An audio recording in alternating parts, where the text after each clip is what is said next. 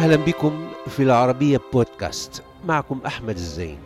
روافد لهذا الأسبوع بعنوان عالم من بلاده إطلالة على سيرة ونتاج عالم الاجتماع العراقي علي الوردي. وذلك عبر خماسية وثائقية تتضمن قراءات لنخبة من المفكرين والباحثين. أهلا بكم في الجزء الرابع من خماسية علي الوردي.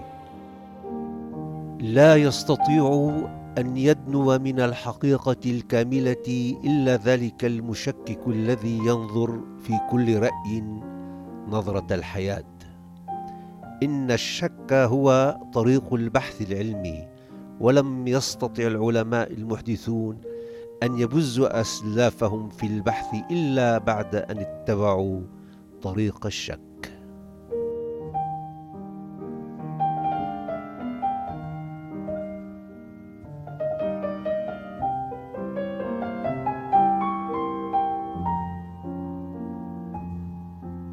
علي الوردي كان يمكن أن يكون من أعظم مستشاري كل الحكومات العراقية على الإطلاق لو أنها احترمت علميته.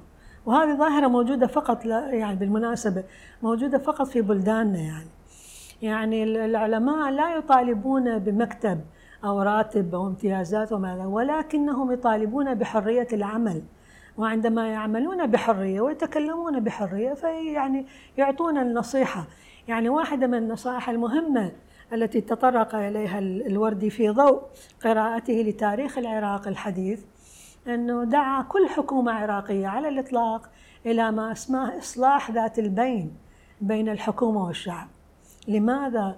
لأن العراقيين نشأوا على الشعور بعدم الثقة بأي سلطة بأي حاكم بسبب الخلفية التي لديهم في يعني بعد حكم العثمانيين أو بسبب يعني نتيجة حكم العثمانيين وفيما بعد الإنجليز وفيما بعد الملكية وفيما بعد الحكومات المتعاقبة.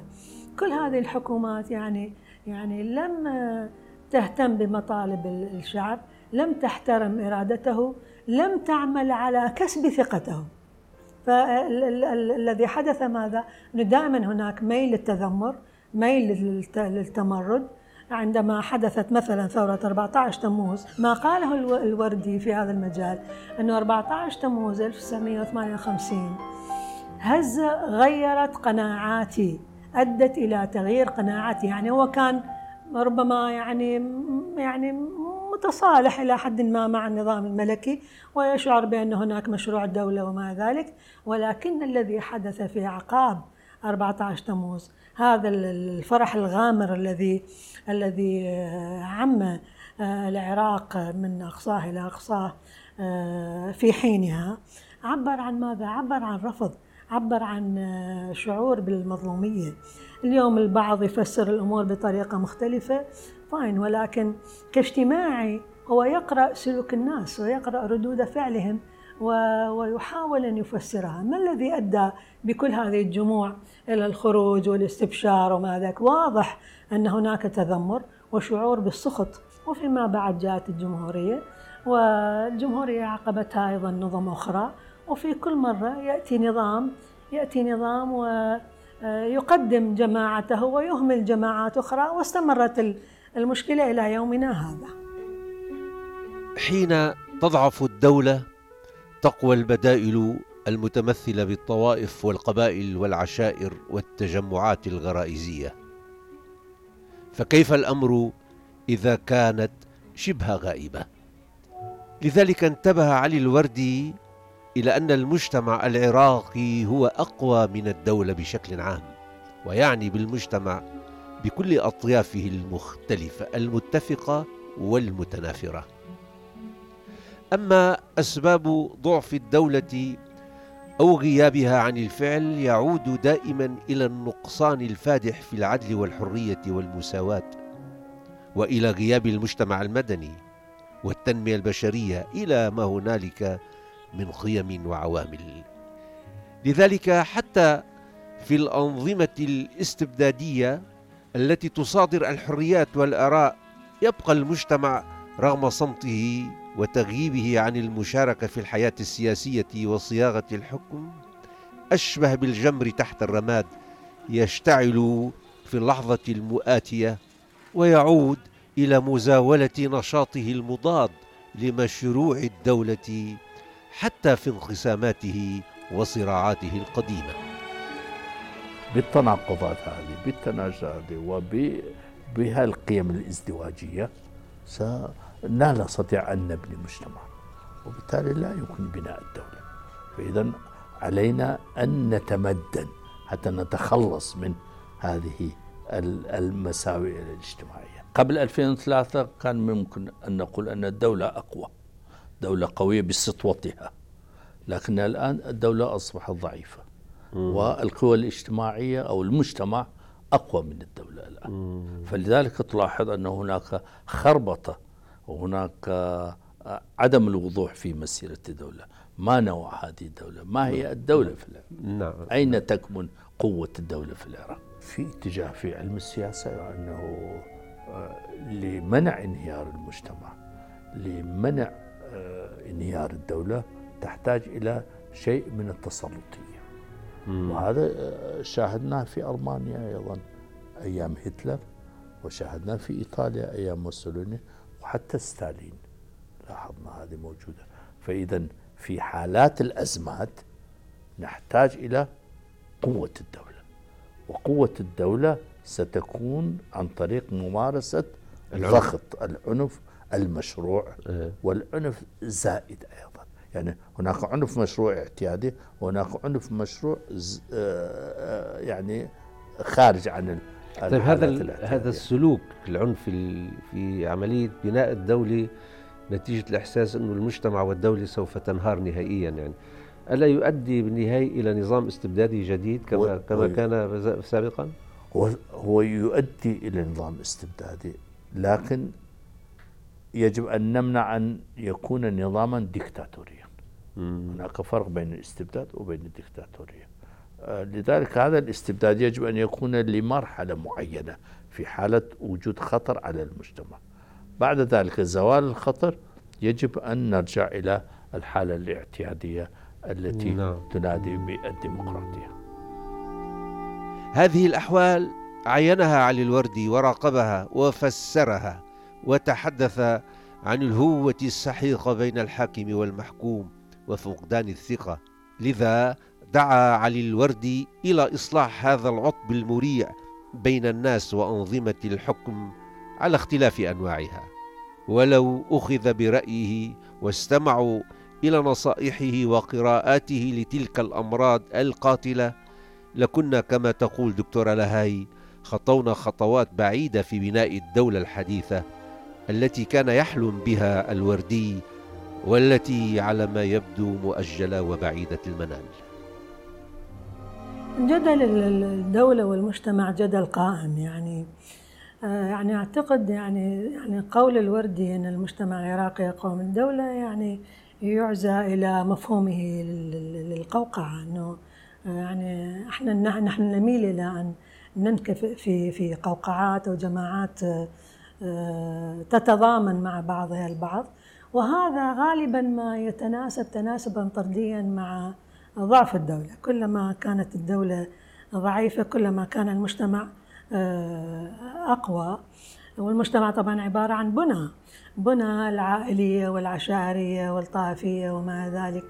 مثلا هذه الظاهرة اليوم تتجلى بقوة ووضوح أكثر من أي وقت آخر. نتيجة بالحقيقة نتيجة آه، أيضا يعني عامل جديد اللي هو التحزب. يعني ضمن نفس الطائفة يعني هناك تحزبات ضمن يعني جماعات معينة آه، تحاول أن مثلا تدخل في النظام السياسي أو من خلال انتخابات وما ذلك. وهذه دائما مرتبطة بضعف الدولة يعني. في فترة معينة عندما كانت الدولة قوية ومركزية صحيح أنها قاسية ومستبدة ولكن الدولة فرضت سيطرتها. طبعا هذا النوع من السيطرة أيضا يعني يعني لا لا يفرح أحدا لأنه لأنه لا يحل ما يعني لا تحل المشاكل بالقوة يعني هذه واحدة من المشاكل اللي اللي خلت المجتمع العراقي يقاوم بطرق متعددة وينفتح لمختلف أنواع الاختراقات. هي حتى هذه اللحظة المجتمع أقوى من الدولة. عندما نتحدث عن الدولة نتحدث عن هيئة ومؤسسات هي التي تحتكر استخدام العنف. والقوة الشرعية. عندما نرى بأن الدولة هي الآن توصف حتى الآن توصف أما هشة أو ضعيفة أو موضع إذلال فهذا يعني بأن المجتمع هو أقوى من الدولة. المجتمع أقوى من الدولة بمكونات. هذه المكونات تستطيع أن تمتلك السلاح أكثر مما تمتلك الدولة. وهذه المسألة ليست جديدة. الملك فيصل الأول في رسالته بال 33 أكد هذه الرسالة المشهورة للملك فيصل الأول. أكد بأن العشائر تمتلك أسلحة أكثر مما تمتلك الدولة. هذه المسألة ما زالت مستمرة. الآن نستطيع أن نتحدث عن آه، جهات تمتلك المال أكثر مما تمتلك الدولة وتمتلك السلاح أكثر مما تمتلك الدولة وتمتلك النفوذ أكثر مما تمتلك الدولة. هذه المجموعات هي التي تمثل المجتمع. فالعشائر بالنسبة للوردي القبائل العوائل كانت فعلا هي أقوى بشكل أو بآخر بالمال بالوجاهة بالنفوذ أكثر من الدولة. فهو تحدث هو كشف عن حقيقة. هو لم يصنع شيئا. علي الوردي عندما قال بأن المجتمع هو أقوى من الدولة هو لم لم يصنع حقيقة وإنما هو كشف عن حقيقة واقع. وهذا الواقع موجود حتى الآن. هاي دراسة الماجستير. هذا هذا السر الاسلام هذه اللي أثارت فضول أساتذته في ذلك الوقت في تكساس. يعني ووجدوا إنه عنده عنده, عنده شيء مختلف. صحيح صحيح صحيح. وجدوا إنه شخص جاد وعنده طبعًا شيء مختلف. طبعًا وهذه عززها في كتاب الدكتوراه مالته اللي هي نظرية المعرفة عند ابن خلدون. آه هو يعني, يعني هي هذه هذه هو منطلقه كان هو منطلقه ما بشك ما بشك يعني. هذا خوارق اللا شعور. هذا كتاب يعني فيت على أشياء في علم النفس يبدو نعم هو يبحث هذا الكتاب في غوامض العبقرية والتفوق والنجاح وما نعم. يسمى عند العامة بالحظ. نعم. ومن جملة ما يقول إن التقصد والتعمد والتكلف والتعجل أمور مناقضة لحوافز اللاشعور ومفسدة لها. نعم نعم يعني هي نعم. هذه نعم هذا مثلا هذا الكتاب إذن الكتابين اللي أثارت ولا تثير وعاض السلاطين أيوه ومهزلة العقل البشري. هذا اللي أثار جدل كثير. نعم هذا هو مهزله العقل البشري نعم. هو نعم. المشكل أو النقطة الأساسية بثقافة الوردي استطاع أن ينعتق من موروثه فيرى الأمور بعين مجردة. هذا الذي جعله ينتقد ويرى ما لا يراه غيره. هذه مهمة نقطة. يعني كثير من الناس لأنه هو يدخل في مواضيع عقائدية دينية مرتبطة بالتاريخ. الإنسان بطبيعته متحيز ومنجذب إلى ما هو موروثه ودائما يدافع عن الموروث ماله حتى لو باللا شعور. ولكن عندما يصل الثقافة إلى مرحلة تفاعلية مع العقل عند ذاك يبدأ من حالة الانعتاق من موروثه. ويشوف بمنظار آخر. عنده حصانة معرفية الآن حصانة معرفية هذه تفاعلية قوية. نعم. وهذه مش قضية سهلة أن إنسان وخصوصا في مواضيع حساسة في الموضوع الديني والموضوع التاريخي والموضوع الاجتماعي. آه هذا اللي ميزه ولذلك كثير كتبوا عن الموضوع لكن لم يستطيعوا أن يخرجوا من موروثهم. نعم. جريئا وحرا ومستقلا ومتبصرا في كل ما كتبه علي الوردي في زمانه. ربما كان مستفيدا من واحات الحرية المتاحة كما يقول الدكتور عامر فياض وهذا ما جعله يفيض بخزينه المعرفي والنقدي محصنا بثقافته الواسعة.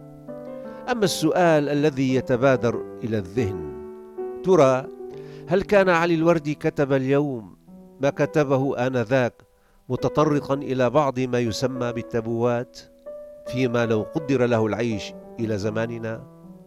يبدو هذا السؤال مناقضا لحركة التاريخ ولقاعدة التطور ولكن ما نعيشه منذ حوالي ثلاثة عقود أو أكثر يولد هكذا نوع من الأسئلة ويولد أيضا الحزن على ما انقلبت إليه مصائر مجتمعاتنا.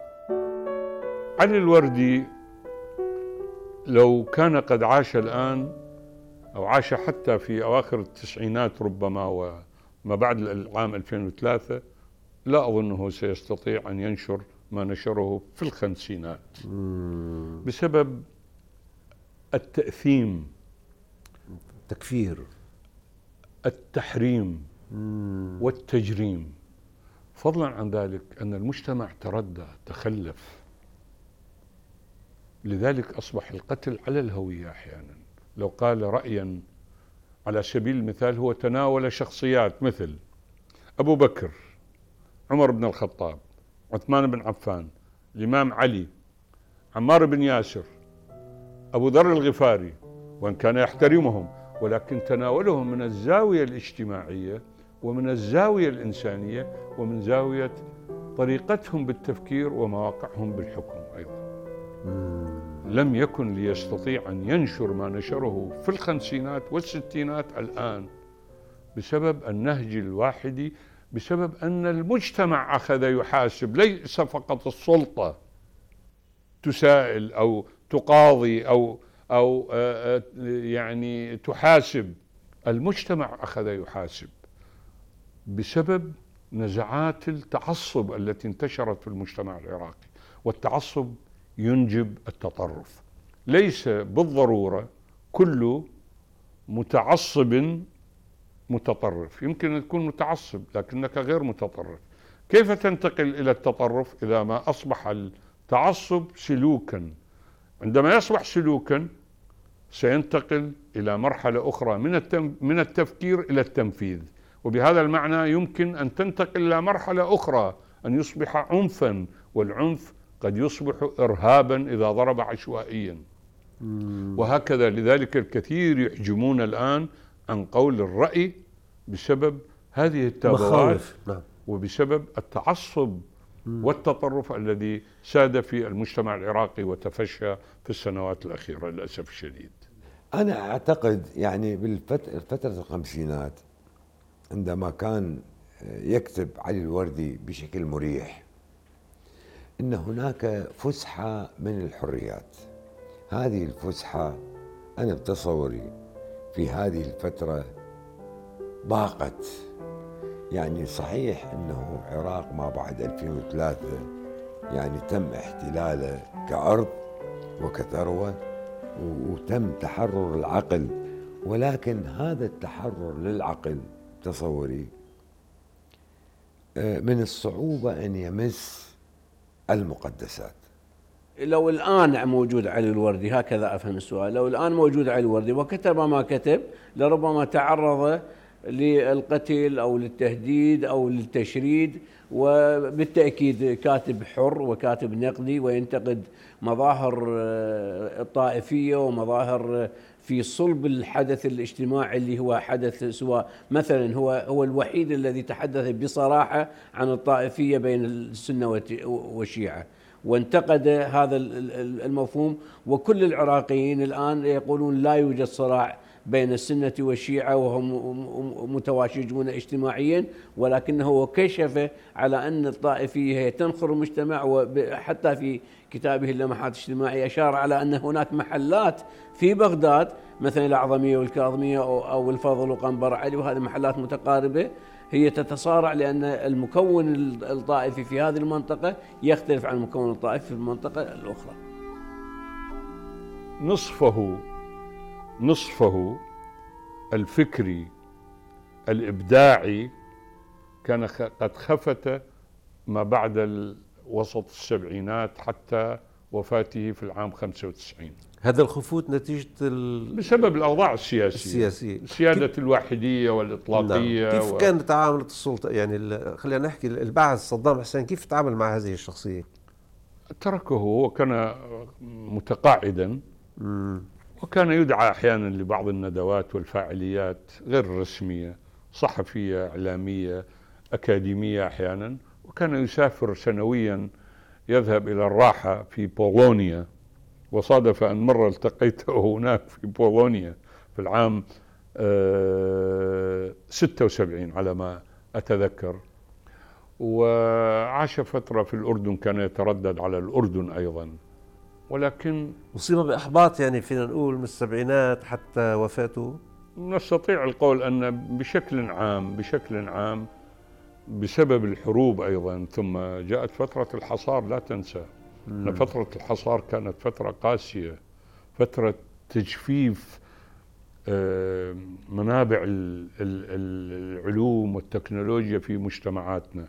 أثرت تأثير بليغ على تطور المجتمع العراقي وعلى الصحة العراقية اللي اعتلت اعتلال كبير لاحقا وجرى تأثير على التطور الاجتماعي وتأثير أيضا على الشخصية العراقية التي ارتكست إلى حدود غير قليلة نعم. ثم جاء الاحتلال أيضا هدم ما تبقى من الدولة العراقية بدون شك الكتابة الفكرية والإبداع ومنتج العقل النقدي يصبح عسيرا في مجتمع تخلفت أفكاره وثقافته ولديه محصنات موروثة لا تخترق. لذا تتضاعف استعداداته في إلغاء من يحاول اختراق منظومته هذه. وهكذا الحال في ظل سلطة أمنية أحادية لا تقبل بالرأي الآخر تجعله يصمت بوسائلها القمعية المعروفة. لذا المحاولات الجادة في ظل هذين النوعين من الاستبدادات إذا صح القول يشبه السباحه في التيارات الهالكة. ولكن علي الوردي كان قد قال ما ينبغي قوله وفسر ما ينبغي تفسيره وأشار إلى أسباب الأعطاب التي تفتك في جسم المجتمع. أعزائي يمكنكم متابعة روافد على مواقع التواصل الاجتماعي تويتر وفيسبوك ويوتيوب كما يمكنكم الاستماع إلى روافد على العربية بودكاست.